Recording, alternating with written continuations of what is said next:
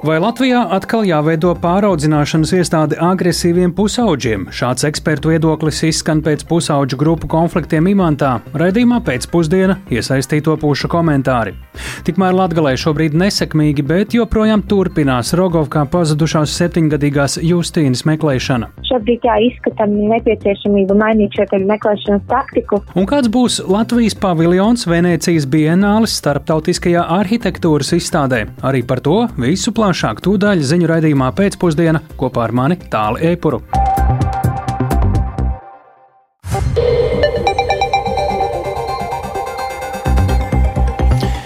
Pūkstens ir 16,5 minūtes. Šī ir pēcpusdienas ziņu programma, skaidrojot šodienas svarīgus notikumus. Studijā Tāls Eipurs. Labdien!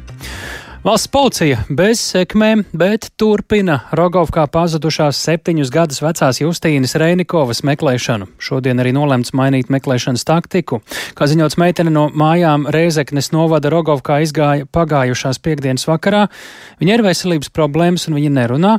Šodien Justīnas meklēšanu turpina policija, robežsardze, iesaistot arī helikopteru, iesaistīts arī šobrīd pietiekams skaits brīvprātīgo.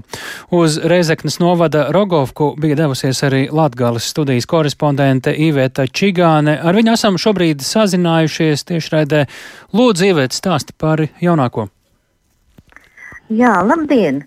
Tiešām septiņgadīgās Justīnas meklēšanas pasākumi notiek jau trešo dienu. Un 5. Eh, maijā, pulksten astoņiem, tas viss notika, kad Justīnas tētis paziņoja policijai, ka meitene ir pazudusi, un uzreiz policija uzsāka meklēšanu. Jau tajā pat vakarā tika piesaistīti robežsardzes helikopteri, droni ar termokamerām meklēšanai naktas laikā. Diemžēl pirmajā naktī, tajā visaugstākajā naktī, eh, meiteni neizdevās atrast, eh, un policisti, kinologi, robežsargi, brīvprātīgie meklēja meiteni sestdien, meklēja svētdien, un arī šobrīd uh, Justīnas meklēšanas pasākumi turpinās uh, kvartālos sadalītajā tuvējā apkaimē. Jā, pazudušā bērna meklēšanā iesaistījušies brīvprātīgie no visas Latvijas, un vakar es arī tur biju, bet sarunājoties ar brīvprātīgajiem, bieži vien izskanēja jau tāds kā izmisuma notis, jo pārmeklēta gandrīz visa apkaime, taču meiteni atrast arī nav izdevies tiešām uh, pārmeklēta teritorija 20 km radiusā par Rogovkas ciemu. Un uh, policija, kā jau tu teici, šobrīd izstrādājusi jaunu pazudušās meitenes meklēšanas taktiku, uh, taču arī esošie meklēšanas darbi netiek pārtraukti. Uh, tagad varam paklausīties, ko saka valsts policijas pārstāve Lāsma Kursīte. Šobrīd jā, izskatām nepieciešamību mainīt šo meklēšanas taktiku un uh, balstoties uz esošo valsts policijas rīcībā informāciju, tad pārbaudīt uh, konkrētus objektus, apsekot un teritorijas. Šobrīd jau ir apsekoti vairāk nekā 20 kvadrātkilometru apkārtne. Pieguļošā ir apsekota nevienu vienreizi, tāpat arī ir apsekotas ūdens tiltas un dīķi. Dīķi ir daži gan izsūknēti, gan arī apsakot izmantojot zemūdens dronus. Taču, kā jau minējām, jā, diemžēl arī šie meklēšanas pasākumi nav devuši rezultātu. Tiek pārbaudītas visas versijas iespējamās, bet joprojām pamatversija ir izvirzīta to, ka meitene ir pašrocīgi pametusi dzīvesvietu un devusies projām. Jā, Rabokā vietējie cilvēki arī izvirzījuši visdažādākās notikušā versijas.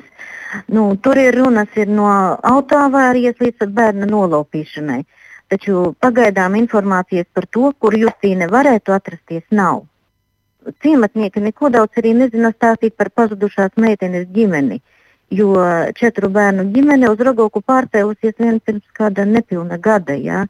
Un, bet pagastā esot informācija, ka ģimene esot bijusi bāriņtiesas redzeslokā. Uh, Tā kā situācija tiešām ir saspringta, ļoti daudz cilvēku ciematā atrodas. Nu, tā parasti notiek, ka tur notiek kādi gada tirgi vai vēl kaut kādi pagastas svētki, bet šoreiz tā, tāda tikšanās, cilvēku pulcēšanās ir tādā, tādā bēdīgā Jā. noskaņojumā, taču cilvēki cer, nu, ka, ka tomēr ka atradīsies tā meitene, ka uz labāko ceļu. Ja? Nu jā, Ivet, tu biji tur uz vietas. kas, tie, kas tā ir par apkārtni? Tie ir meži, tie ir vairāk lauki, un te jāņem vērā arī, ka pēdējās naktis ir bijušas ļoti augstas, pat rekordā augsts šim gada laikam. Kā tu varētu teikt par to vidi, kurā notiek šī meklēšana dažos vārdos?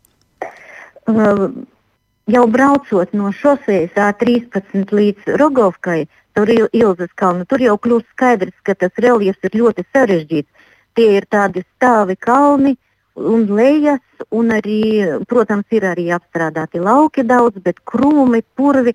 Arī brīvprātīgi, ar kuriem es vakar sarunājos, viņi atzīst, ka tā vide ir ļoti sarežģīta un, un robežsargi ir gājuši un, un iemu, iegājuši pat tādā riktīgā purvā, jā, nemaz tālu nav jāiet.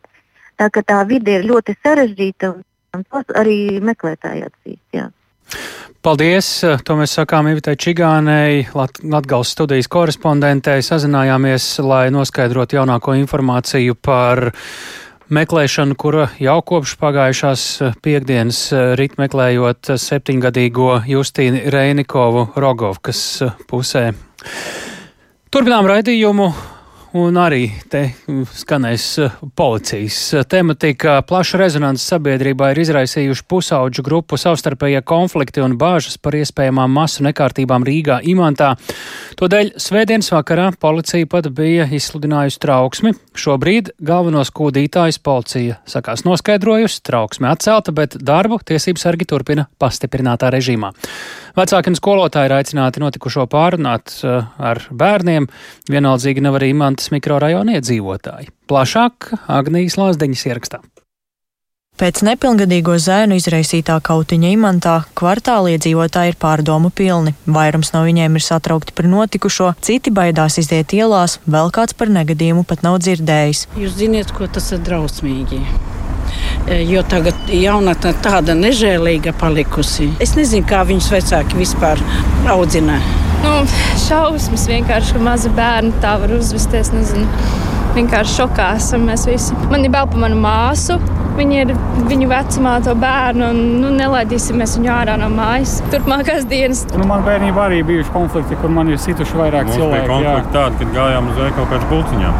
Nē, nu, par, jā, jā, nu, tas jau vispār ir atsevišķi. Jā, jā, jā, bet, nu, godīgi sakot, nē, protams, ka tas ir nu, slikti. Nē, tas tiešām ir nu, šausmīgi. Nu, īstenībā nu, traki. Jo, nu, tā kā, nu, teiksim, tā, nu, ir bail dzīvot, ir bail laist bērnus, piemēram, kaut kur pastaigāt vēl vakarā. Mēs ļoti ceram, ka pašvaldības policija dara savu lietu. Mēs ļoti ceram uz to, ka to bērnu vecāki arī kaut kā uz to visu reaģēs. Sociālajos tīklos publicēto video, kurā redzams, ka vairāki zēni piekauj vienaudzi, redzēja arī Rīgas imantas vidusskola, kas iespējams atpazina divus savus audzēkņus. Tā norāda skolas direktore Ingūna Helviga. Viņa stāsta, ka pēc notikušā skolā uzsāktas trīs veida darbības, proti klašu audzinātāji strādās ar saviem audzēkņiem pastiprināti runājot par drošības pasākumiem, ar skolas psihologu veidos informatīvu materiālu par drošību, kā arī pie skolēniem no 5. klases līdz 8. klasē nāks valsts policijas pārstāvi, kas runās par dažādiem drošības jautājumiem. Turpina Ingūna Helviga. Protams, ka audzināšana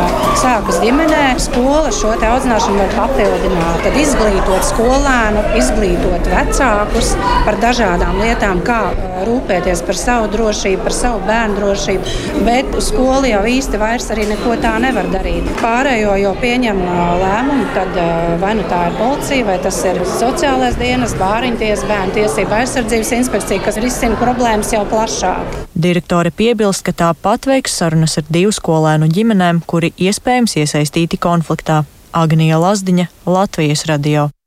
Valsts policijā šodien Latvijas radio apstiprināja, ka jauni incidenti ar jauniešu pulcēšanos vai vardarbību ne Imantā, ne arī citos Rīgas mikrorajonos nav konstatēti un situācija tiek rūpīgi monitorēta. Policija turpina darbu ar jauniešiem, skolām un vecākiem. Vienlaikus nevienam jaunietim šobrīd arī nav ierobežota iespēja apmeklēt mācību iestādes. Par jaunāko stāsta valsts policijas Rīgas reģiona pārvaldes priekšnieks Juris Staļģevits.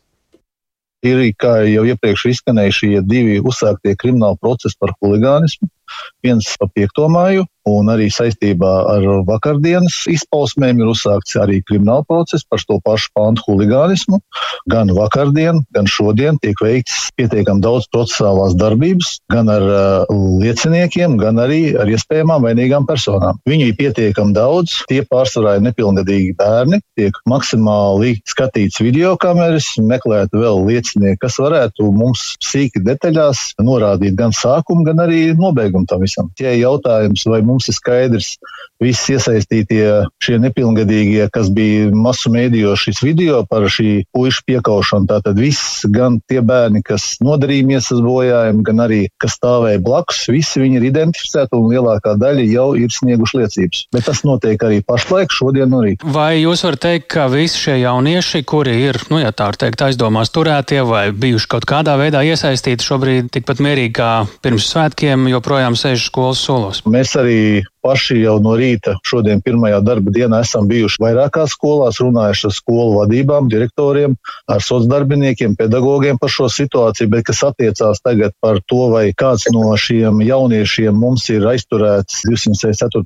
panta kārtībā un ievietots izolatorā, nē, nav. Ir pieņemtas liecības un uh, ir ar vecākiem palaisti uz mājām. Kas ar šiem skolēniem notiks tālāk? Kas ir tas, kas attiecas uz policiju? Kā jūs redzat, kādam tam ceļam būtu jābūt? Skaidrs, ka šī epizode ar šiem bērniem tas ir viens stāsts, bet apkārt, kā mēs zinām, ka bija iespējams iesaistīt un kaut kur vakar pulcējās arī pavisam citi bērni arī tāpat tās gan pilngadīgas, gan nepilngadīgas personas. Un tāpēc šodien mēs esam skolās, lai par to runātu, lai ne tikai policija savu vēstījumu nodod, bet arī iesaistot skolu pedagogus, vecākus, visi kopā nu, runāt, ka šādas pulcēšanās un uh, atsaukšanās uz kaut kādiem aicinājumiem, tur savākties, tur kaut ko skaidrot, iet kaut ko meklēt, nu, tas nav pieļaujams. Tas ir kopējs darbs, un tāpēc ir skolas, tāpēc ir vecāki un tāpēc ir policija. Mēs arī runājam ar Rimantas iedzīvotājiem, un viņi šobrīd ir ļoti bažīgi par to, cik droši viņi var justies, vai eh, šobrīd tā situācija tiek joprojām pastiprināta, kontrolēta, un viņi var justies pietiekami droši. Jā, situācija pastiprināti gan tiek, gan arī tiks kontrolēta. Arī tāpēc, ka vakar bija šie indikācijas par to, ka šajā mikrorajonā parādās aizvien vairāk šie jaunieši, kas nu, nav saprotams, kāda iemesla pēc pulcējās un tur staigā. Tāpēc, lai nerastos kaut kādas jaunas situācijas un policijas resursi būtu pietiekams, tāpēc arī bija izziņot šī trauksme policijas amatpersonām, lai mēs maksimāli vairāk būtu ielās. Es domāju, ka vakar tas bija redzams, un šāda kontrola arī turpināsies, lai pilnībā mēs būtu pārliecināti, ka iedzīvotāji ne tikai Imantā, bet arī pilsētā kopumā sadarbība notiek ar pašvaldības policiju, lai cilvēki justos droši. Citos mikrorajonos nav pamata bažām? Nav. Turpināsim skatīties. Un pie pirmām pazīmēm, kas norādīja par kaut kādu situācijas līdzību, kas skar vakardienas notikums vai piektās datuma notikums, nu, policija uzreiz rēģēs atbilstoši noteiktēm. Un, lai novērstu vēl vienas bažas, vai šeit var vai nevar izslēgt kādas starpnacionāla naida pazīmes, jo mēs labi zinām gan ģeopolitisko situāciju, gan arī to, ka rīt ir 9. maijs. Nu, galīgi galīgi nav šeit nekādu indikāciju, kas skar 9. māju. Te ir pavisam cits sākums. Nav nekādu pazīmi, ka šeit būtu kaut kāds etniskais vai kāda cita veida, teiksim, savstarpējais naids. Tā valsts policijas Rīgas reģiona pārvaldes priekšnieks Juris Staļģevits, bet ko darīt ar pusauģiem, lai turpmāk šādi gadījumi pēc iespējas neatkārtotos gan konkrētajā gadījumā, gan vispār valstī? Kolēģi Dārts Pēkšēna iztaujāja pusauģu un jauniešu psihoterapijas centra vadītāju Nielu Saksu Konstantīnovu, vaicājot arī, kā viņš skaidro notikušo jauniešu vārdarbību un reakciju uz to. Protams, kad mēs redzam šādas nekontrolētas jauniešu agresijas izpausmes, bandu veidošanos, ir ceļš, mēs saprotam, ka ir kaut kādas plaisas esošajā sistēmā. Nu, protams, ja veidojās jau plaisas un policijai jāizsludina trauksmes stāvoklis, tad tās vairs nav plaisas, tas jau vairāk tāds vulkāns izvirdums. Bet jā, skaidrs, ka tas liecina par kaut kādu kopējo sistēmu. Jo, protams, ka jaunieši, liela daļa no viņiem ir agresīvi. Protams, ka tendence ir izsināt konfliktus nu, daļai jauniešu šādā veidā. Bet tieši tāpēc nu, mēs kā sabiedrība veidojam skolas, izglītības sistēmas, sporta pulciņus, policiju vispārējo, lai to turētu kaut kādā kontrolē. Un gal galā, protams, var teikt, ka arī 90. pusauģu kāvās, jā, arī Amerikas geto mēs redzam, ka ir bruņots jauniešu bandas, bet tomēr Rīga nav ne 90. ne Amerikas geto. Mēs esam diezgan maza pilsēta un patiesībā šī ir ļoti netipiska situācija. Nu, tas liecina, ka kaut kur tie robeži tiešām kļuvuši ļoti lieli un kaut kur pieaugušie nu, īsti nespēja adekvāti reaģēt. Un arī kaut kādā veidā radīt tādu sistēmu, kur jaunieši var attīstīties un augt piemērotos apstākļos. Otra lieta, ka konkrēti šī gadījuma lieta, jo mēs jau varam mācīt jauniešiem, cik daudz mēs gribam, ko darīt, kā ziņot, kā rīkoties, kā sev pasargāt. Bet, nu, ja tā izrādīsies taisnība par to, kā policija reaģējas, ja jaunieši vai vecāki ziņo un policija neierodās notikuma vietā stundas laikā vai vēl vairāk, tad tā sistēma, protams, nedarbosies vai cik labi mēs uzturētu vispārējo. Policija tagad galvenos kūdītājus, nepilngadīgos pusauģus aizturējusi, bijusi arī nogādājusi policijā. Vai situācija ar to tiek atrisināta? Jā, šī patiesībā man šķiet šajā konkrētajā gadījumā vislielākais bēdas stāsts. Ja, protams, gan policija veiks savu izmeklēšanu skolās, mēs strādāsim ar bērniem, sabiedrība aktivizēsies, bet Mums ir šie konkrētie jaunieši, kuri pastrādājuši visticamāk kaut kāds pārkāpums, un šie jaunieši nav vienīgie. Rīgā un Latvijā šobrīd ir aizvien vairāk šādu veidu jauniešu. Šie ir vienkārši nonākuši sabiedrības lokā. Tagad jaunieši, kur ļoti problemātiski, riskanti un kurš īstenībā iespējams daudzos gadījumos tā vienkārši atgriezties skolā nu, nav ne iespējams, ne rekomendējams. Mums nu pat arī vēl nesen atmiņā palicis tehnikums stāsts par citu veidu uzbrukumu jauniešiem. Tā.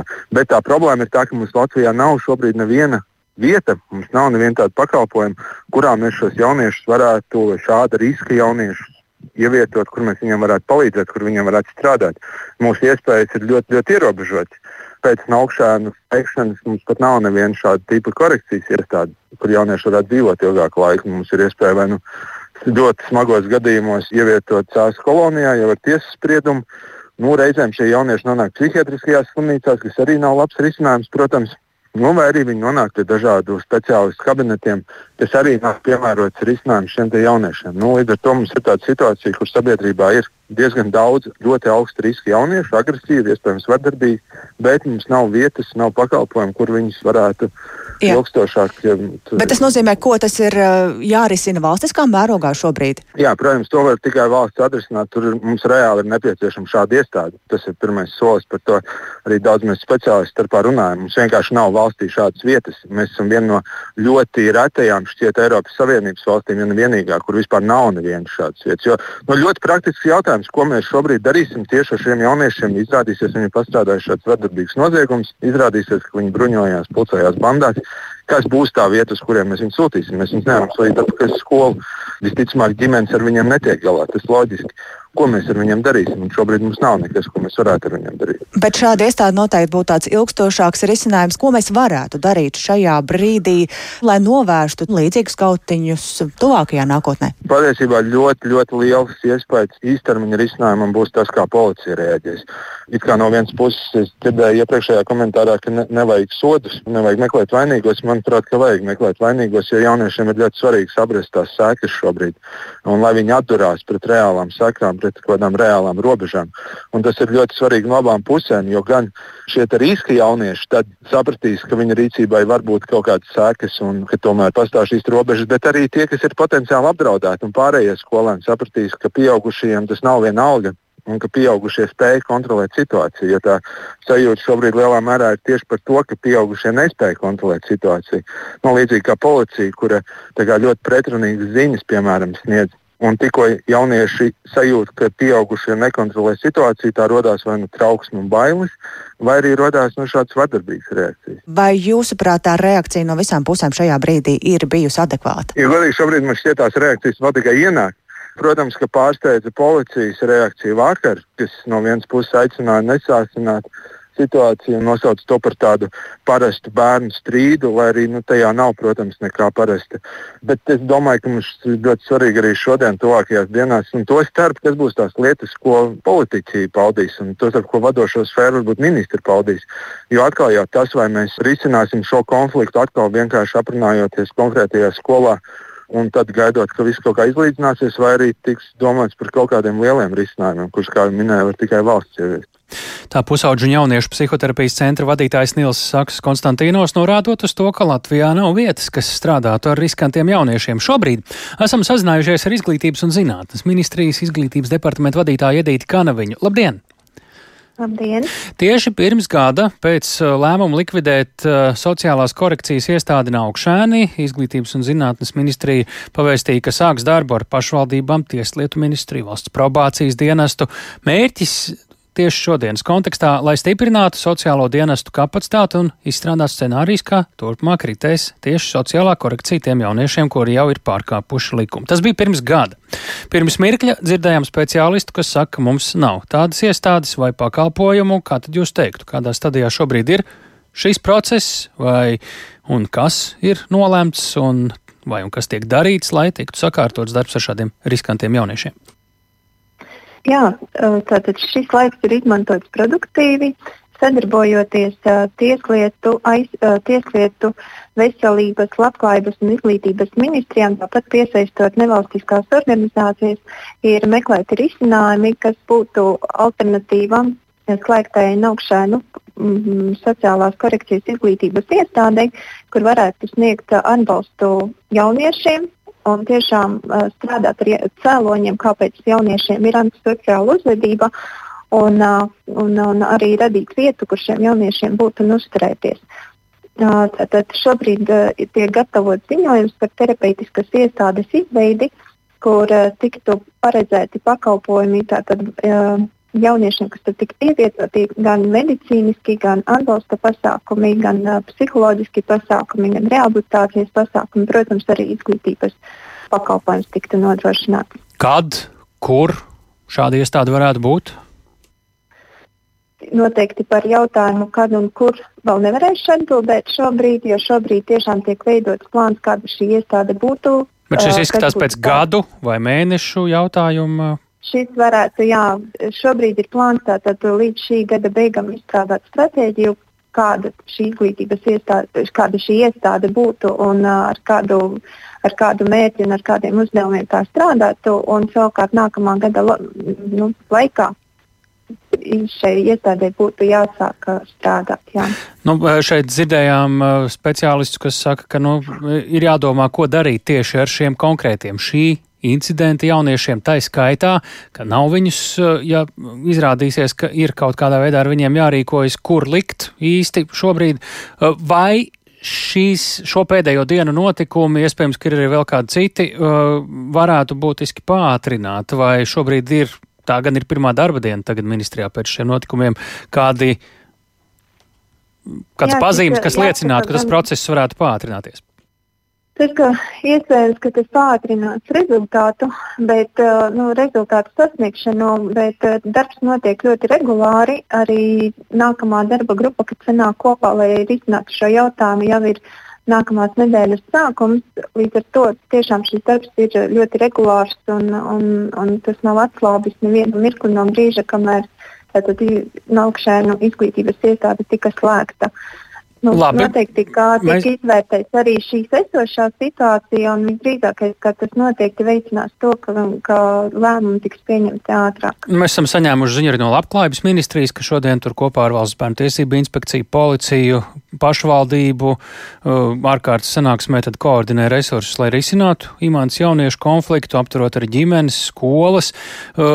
Ko izglītības ministrija redz, kas būtu jūsu daļa šajā, eh, tieši šajā konfliktā? Nu, kaut vai jautājums par to, vai šiem jauniešiem būtu jāatgriežas eh, skolas solā. Viņi izskatās šobrīd tur tieši arī ir.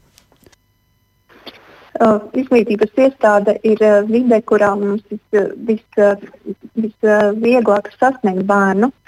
Kā jau iestādes vadītāji minēja, noteikti šis ir jāizmanto kā iespēja, lai veiktu preventīvo darbu un ne tikai strādāt ar jauniešiem, kas ir iesaistīti konfliktā, bet tiešām preventīvi strādāt ar visiem jauniešiem, lai tādā veidā izvē, izvairītos no iespējamiem konfliktiem nākotnē. Izglītības iestādes noteikti šobrīd ir aktīvi procesa dalībnieki, lai tiešām izslēgtu un mazinātu iespējas šādām situācijām nākotnē atkārtoties. Citiem vārdiem varbūt pat labāk, ka viņi ir tieši skolā, nevis kaut kur citur. Paldies! Protams. Paldies par sārunu. To mēs sakām Edītē Kanaviņai, Izglītības un zinātnes ministrijas izglītības departamenta vadītājai. Arī mēs Latvijas radio ziņu raidījumos turpināsim sekot līdz šim stāstam, bet nu par kādu citu ļoti cieši saistītu tematu - jauniešu mentālā veselība Latvijā pasliktinās. Šo problēmu speciālisti ir aktualizējuši tieši šajās dienās, godinot pusauģu resursu centru piecu gadu jubilejā. Lai arī, par, lai arī to piedāvājums ir kļuvis plašāks, tas joprojām nesadz augošo pieprasījumu pēc palīdzības pusauģu psihisko traucējumu ārstēšanā. Stāstā Skirmante Balčūte. Katru gadu pieprasījums pēc pusauģu resursu centra speciālistu palīdzības aug. Kopumā tajā jau ir vērsušies vairāk nekā 10 tūkstoši jauniešu, tostarp apmēram 3 tūkstoši pusauģu tikai pagājušajā gadā. Pašlaik Latvijā strādā kopumā 9 pusauģu resursu centri, kuros rindā gaida 572 pusauģi. Stāsta pusauģu resursu centra valdes priekšsēdētāja vadītāja Liene Dambiņa. Tās rindas pie mums ir šobrīd garas un gaidīšanas laiks ir ilgs. Pirmo konsultāciju mēs vienmēr cenšamies nodrošināt līdz divu nedēļu laikā, un tā ir iespēja saņemt atbalstu pietiekami ātri, saprast, kas notiek, saņemt pirmās rekomendācijas, pirmos ieteikumus, lai varētu kopā ar speciālistu domāt, kā šīs grūtības risināt turpmāk. Pētījumā noskaidrots, ka apmēram puse jauniešu sūdzējušies par depresiju, trauksmi un grūtībām veidot attiecības, trešdaļa par mācību motivācijas trūkumu, katrā ceturtajā gadījumā novēroti uzvedības traucējumi, gandrīz 18% jaunieši vērsušies paškaitējuma dēļ. Savukārt apmēram katram desmitajam jaunietim konstatēti ēšanas traucējumi, kā arī atkarības no vielām vai procesiem. Centra vadītāja bērnu psihiatre Anete Masaļska vērš uzmanību, ka problēmas, ar kurām jaunieši vēršas pēc palīdzības, mēdz pārklāties. Skaidrs, ka jaunietis mums neatnāk ar vienu problēmu, un tā jau ir tā lielākā sarežģītība tajā visā, kad uh, tam jaunietim jaunietim ir ļoti daudz grūtības kopā. Ka viņiem ir gan depresīva simptomātika, trauksmes, attiecību grūtības, paškaitējums, mācību grūtības. Līdz ar to mēs arī šo programmu esam mērķiecīgi veidojuši, lai šīs problēmas jaunietim kompleks arī spētu mazināt. Veselības ministrijā tiekot domāts par programmas paplašināšanu, kā arī par veselības pratības atjaunošanu skolās, stāsta Veselības ministrijas valsts sekretāra pienākumu izpildītāja Aiga Balodē. Nebūs lielāka izaicinājuma, kā tik galā ar mentālo veselību, un jo ātrāk mēs sāksim par to runāt, kad ir risinājumi, ka ir metodas, ar kurām tik galā, un kā jaunieši mums teica, šie jaunie vaibi vai trendi, kas ienāk kārto tik galā, kur tad man, kā man sevi realizēt. Tā kā mēs aktīvi pie šī strādājam kopā ar izglītības ministriju un arī iekšlietu ministriju norādīja, ka tas tiešām ir ļoti, ļoti būtisks jautājums. Un atkal, kas sasniedz jaunieši, nevis ko mēs kā pieaugušie gribam, lai lietas notiek konkrētā kārtībā. Speciālistu skatījumā jauniešu mentāla veselība strauji pasliktinājās pandēmijas laikā, un tieši psihiskās veselības traucējumi rada bērniem un jauniešiem vislielāko slogu. Skirmante Baļķūte, Latvijas radio. Kādas un kad varētu būt jaunās Eiropas sankcijas pret Krievijas agresiju Ukrainā un kāds būs Latvijas paviljons Venecijas bienāles starptautiskajā arhitektūras izstādē? Šie stāsti turpmākajās minūtēs raidījumā pēcpusdienā.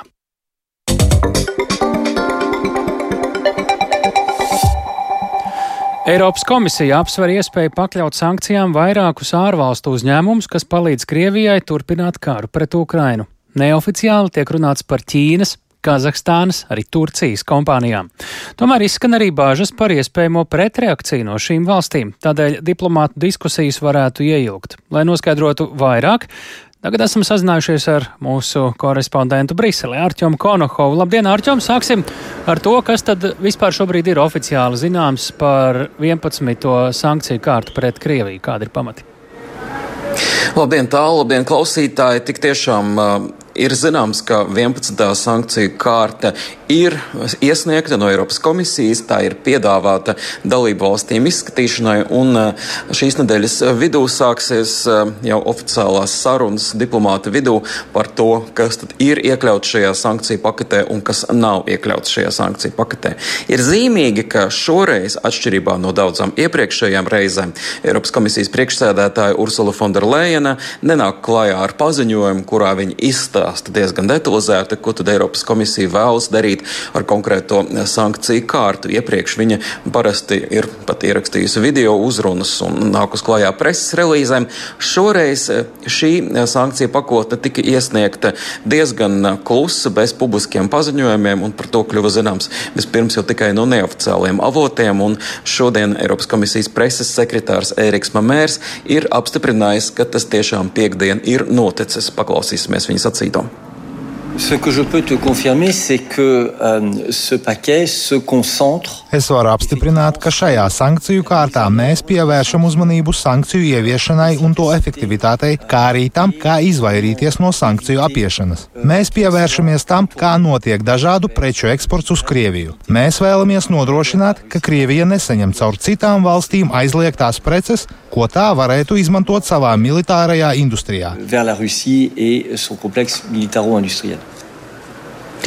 Tad, kas tad ir zināms no neoficiālajiem avotiem? Ir skaidrs, ka šobrīd runa tiešām ir par vairākiem Ķīnas uzņēmumiem, arī runa ir par Armēnijas e, uzņēmumiem un arī, protams, zināmā mērā arī par Turciju, kas arī, kur arī ir uzņēmumi, kas um, vismaz pēc neoficiāli pieejamās informācijas palīdz um, Krievijai risināt, turpināt karu Ukrainā, nogādājot dažādas preces, uz kurām attiecās sankcijas. Un, uh, arī Ķīnas uzņēmumi, viņi arī nodarbojās ar elektronikas piegādi, ar mikroshēmām, un tur daži no viņiem jau atrodas, pieņemsim, ASV melnajā sarakstā un ir pakļautas līdzīgām sankcijām no Amerikas. Tad, tad šie ir tie būtiskākie uzņēmumi, kas parādās neoficiāli šobrīd sarunās. Nu jā, mēdījos jau parādās arī Ķīnas amatpersonu solījumi iespējamās sankcijas pret tās uzņēmumiem sagaidīt ar tādu asu pretreakciju par kādām sekām no tās pašas Ķīnas, arī Turcijas eh, vai citiem te varētu būt runa, ar ko varētu būt jārēķinās? Jā, tik tiešām eh, sankcijas eh, varētu izraisīt diezgan asu pretreakciju. Mēs zinām, ka Ķīnas eh, nostāja ir, mēs visnotaļ asa šādos gadījumos, un pirmie komentāri jau parādās plašsaziņas līdzekļos, ka atbildi noteikti sekos, un ka Ķīna spērs atbildes soļus. Un, protams, ir skaidrs arī, ka Ķīna līdz šim ir mēģinājusi panākt, lai Eiropa tomēr tik cieši nesakotu Amerikas soļiem un nespēr, nepie nepieņemtu tādas pašas sankcijas pret tiem pašiem uzņēmumiem, kādas eh, pieņem, um, kādas eh, tad, tad eh, pieņem Amerika. Un tāpēc, protams, Eiropas komisijas piedāvājums iekļaut dažus no tiem pašiem uzņēmumiem Eiropas sankciju sarakstā varētu izraisīt Ķīnas pretreakciju. Protams, ir arī jautājums par to, ka tiek piedāvāts izveidot īpašu mehānismu, kas arī turpmāk ļaus šādas sankcijas attiecināt uz trešo valstu uzņēmumiem, kas būtu liels eh, jaunums Eiropā. Faktiski ar šādu mehānismu Eiropa tuvinātos zināmā mērā tam, ko jau gadiem ir darījusi ASV. Un eh, arī te, eh, protams, ir sagaidāmas tādas visnotaļ pretrunīgas reakcijas, un nebūtu ne visiem arī Eiropas Savienībā šī ideja šķiet pieņemama un atbalstāma. Nu, mēs pieminējām, ka varētu diplomātu vidū ieilgt diskusijas par šo sankciju kārtu, līdz ar to, cik ātri varētu tikt pieņemt šīs 11. Eiropas Savienības sankciju paketi. Es teiktu, ka šobrīd eh, mēs varam runāt ne ātrāk par māja vidu vai pat vēlāku laiku. Paldies Arčimam Konohovam. Mēs eh, no Briseles pārceļamies uz Venēciju. Horizontāla, daudzveidīga un demokrātiska telpa. Tā Venecijas Bienālas arhitektūras izstādē šogad būs pārstāvēta Latvija, kas vērienīgajā notikumā piedalīsies no jau desmito reizi. Un šogad Latvijas paviljons būs kā lielveikals, kas apmeklētājiem ļaus iesaistīties nākotnes laboratorijā. Lai pastāstītu vairāk par jau nākamnedēļ gaidāmo izstādes atklāšanu, mums studijā pievienojas kolēģis Viktors Dmīdovs. Sveiks, Viktor! Un nu, tad stāsti, kas uh, apmeklētājus sagaida Latvijas paviljonā Venecijas Bienāls starptautiskajā arhitektūras izstādē. Jā, sveicināti. Un katra tā norises vieta, kurā Latvijas pārstāvi informē medijus par savu paviljonu Venecijas Bienāles starptautiskajā arhitektūras izstādē, nu, viņi, es teiktu, ir oriģināli. Un kādu gadu tas notika Pārdaugavā, kādā 30. gadu dzīvoklī, un kādu reizi tas ir noticis arī Latvijas Nacionālā mākslas muzeja ventilācijas kamerā, bet šodien atbildīgie informēja Tirzniecības centrā blakus pārtikas nodaļai. Un tas tāpēc, ka šogad Latvija pasaulē prestižākajā arhitektūras izstādē sevi prezentējis kā lielveikalu, kur uz vieniem plauktiem satiksies dažādas izcelsmes un, un ideju produkti. Un šogad Latvijā Venecijas Bienālas arhitektūras izstādē atzīmē 20 gadus kopš pirmās dalības, un kā atzīmē pasākuma dalībnieki, tas jaunais veikals būs vieta, kur apmeklētāji varēs atrast visu un vēl vairāk. Un, teiksim, katru reizi nu, šādā izstādē ir kāds teikt, tas lielais kurators, kas domā par izstādes lielo tēmu. Un šogad tā būs nākotnes laboratorija, un, kuru ir izdomājusi Ganas un Skotijas pārstāve. Un tad sanāk, ka katra no 68 valstīm domā, kā sevi prezentēt nu, šajos rāmjos. Un tad Latvijas paviljona komisārs Jānis Dripe norāda, ka mūsu valsts izvēlētais lielveikals ir sociāls fenomens, kurā daudz kas notiks. Un tad lūdzu paklausīsimies Latvijas paviljona komisāra teikto. Līdz ar to lielveikalu iespējams var un vajag papildināt ar kādu jēgpilnu funkciju, garīgu pakalpojumu funkciju. Tā nav tikai iepirkšanās, jo šeit mēs ar jums šodien satiekamies. Te nāk brīvdienās cilvēki ar bērniem. Lielie iepirkšanās centri ir tāds tikšanās fenomens, sociāla parādība. Mēs nevaram to izslēgt. Man prieks, ka autori uz to ir reaģējuši. Manuprāt, elegantā veidā. Es domāju, ka uzmanību viņi Venecijā piesaistīs.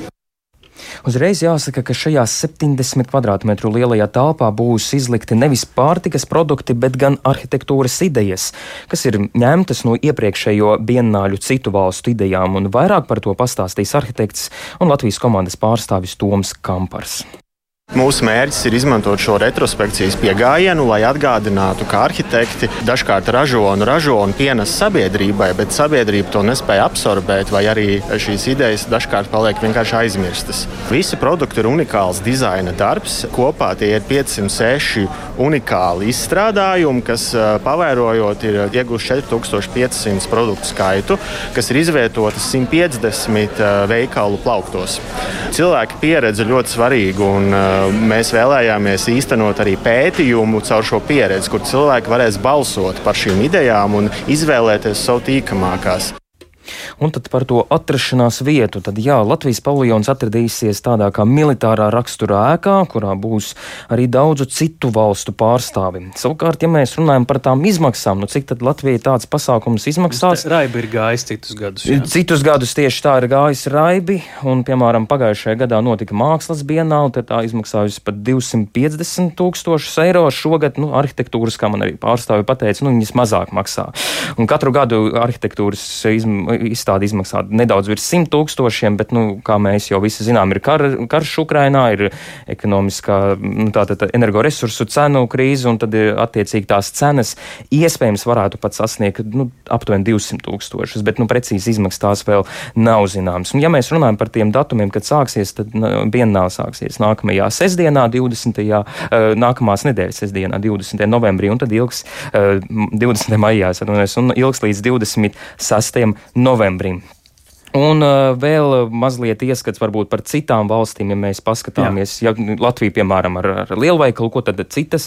Un jā, tad Polija, piemēram, runās par datiem, kas laika gaitā ir kļūsi jau par tādu kā materiālu savā veidā. Savukārt Amerikas Savienotās valstis pievērsīsies problēmām ar plasmasas piesārņojumu un kā to risināt. Nu, kā jau minēju, tas viss ir šajos, šajā nākotnes laboratorijas tajos, tajos rāmjos, kontekstā. Jā. kontekstā jā. Mm. Nu, pagaidām pagaidām tas uh, arī būtu par Venecijas Bienāles starptautisku izstādi.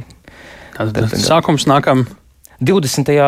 maijā. Jā. Jā. Mhm. Un tad visu vasaru līdz pat vēl krietni iekšā rudenī, plānojot savus ceļojumus uz to pusi, šo noteikti ierēķiniet, un varbūt tas arī ir iemesls uh, doties uz to pusi. Paldies, sakām Viktoram Demīdovam, paldies arī sakām klausītājiem par piedalīšanos šajā raidījumā, klausoties. Nu, par Venecijas vienālu jāatgādina, protams, ka uh, tā ir vērienīgākā un prestižākā arhitektūras izstādi pasaulē, un Latvija tur ar savu nacionālo ekspozīciju piedalās jau kopš 2002. gada. Mēs eh, sakām, ka tiekamies rīt. Atgādinām, ka šo raidījumu pēcpusdiena veidoja Tālis Eipors, Ilza Aginta, arī Renārs Šteimans un Mārtiņš Paeglis. Noteikti, ja vēlties ar šo raidījumu padalīties ar kādu citu, eh, izmantojiet Latvijas radio mobilo lietotni vai raidierakstu platformas. Un, jā, eh, noteikti arī varat vienkārši paši, ja nedzirdējāt visu, noklausīties to vēlreiz. Mēs tiekamies rīt pēc ziņām 4 un 5 minūtēs.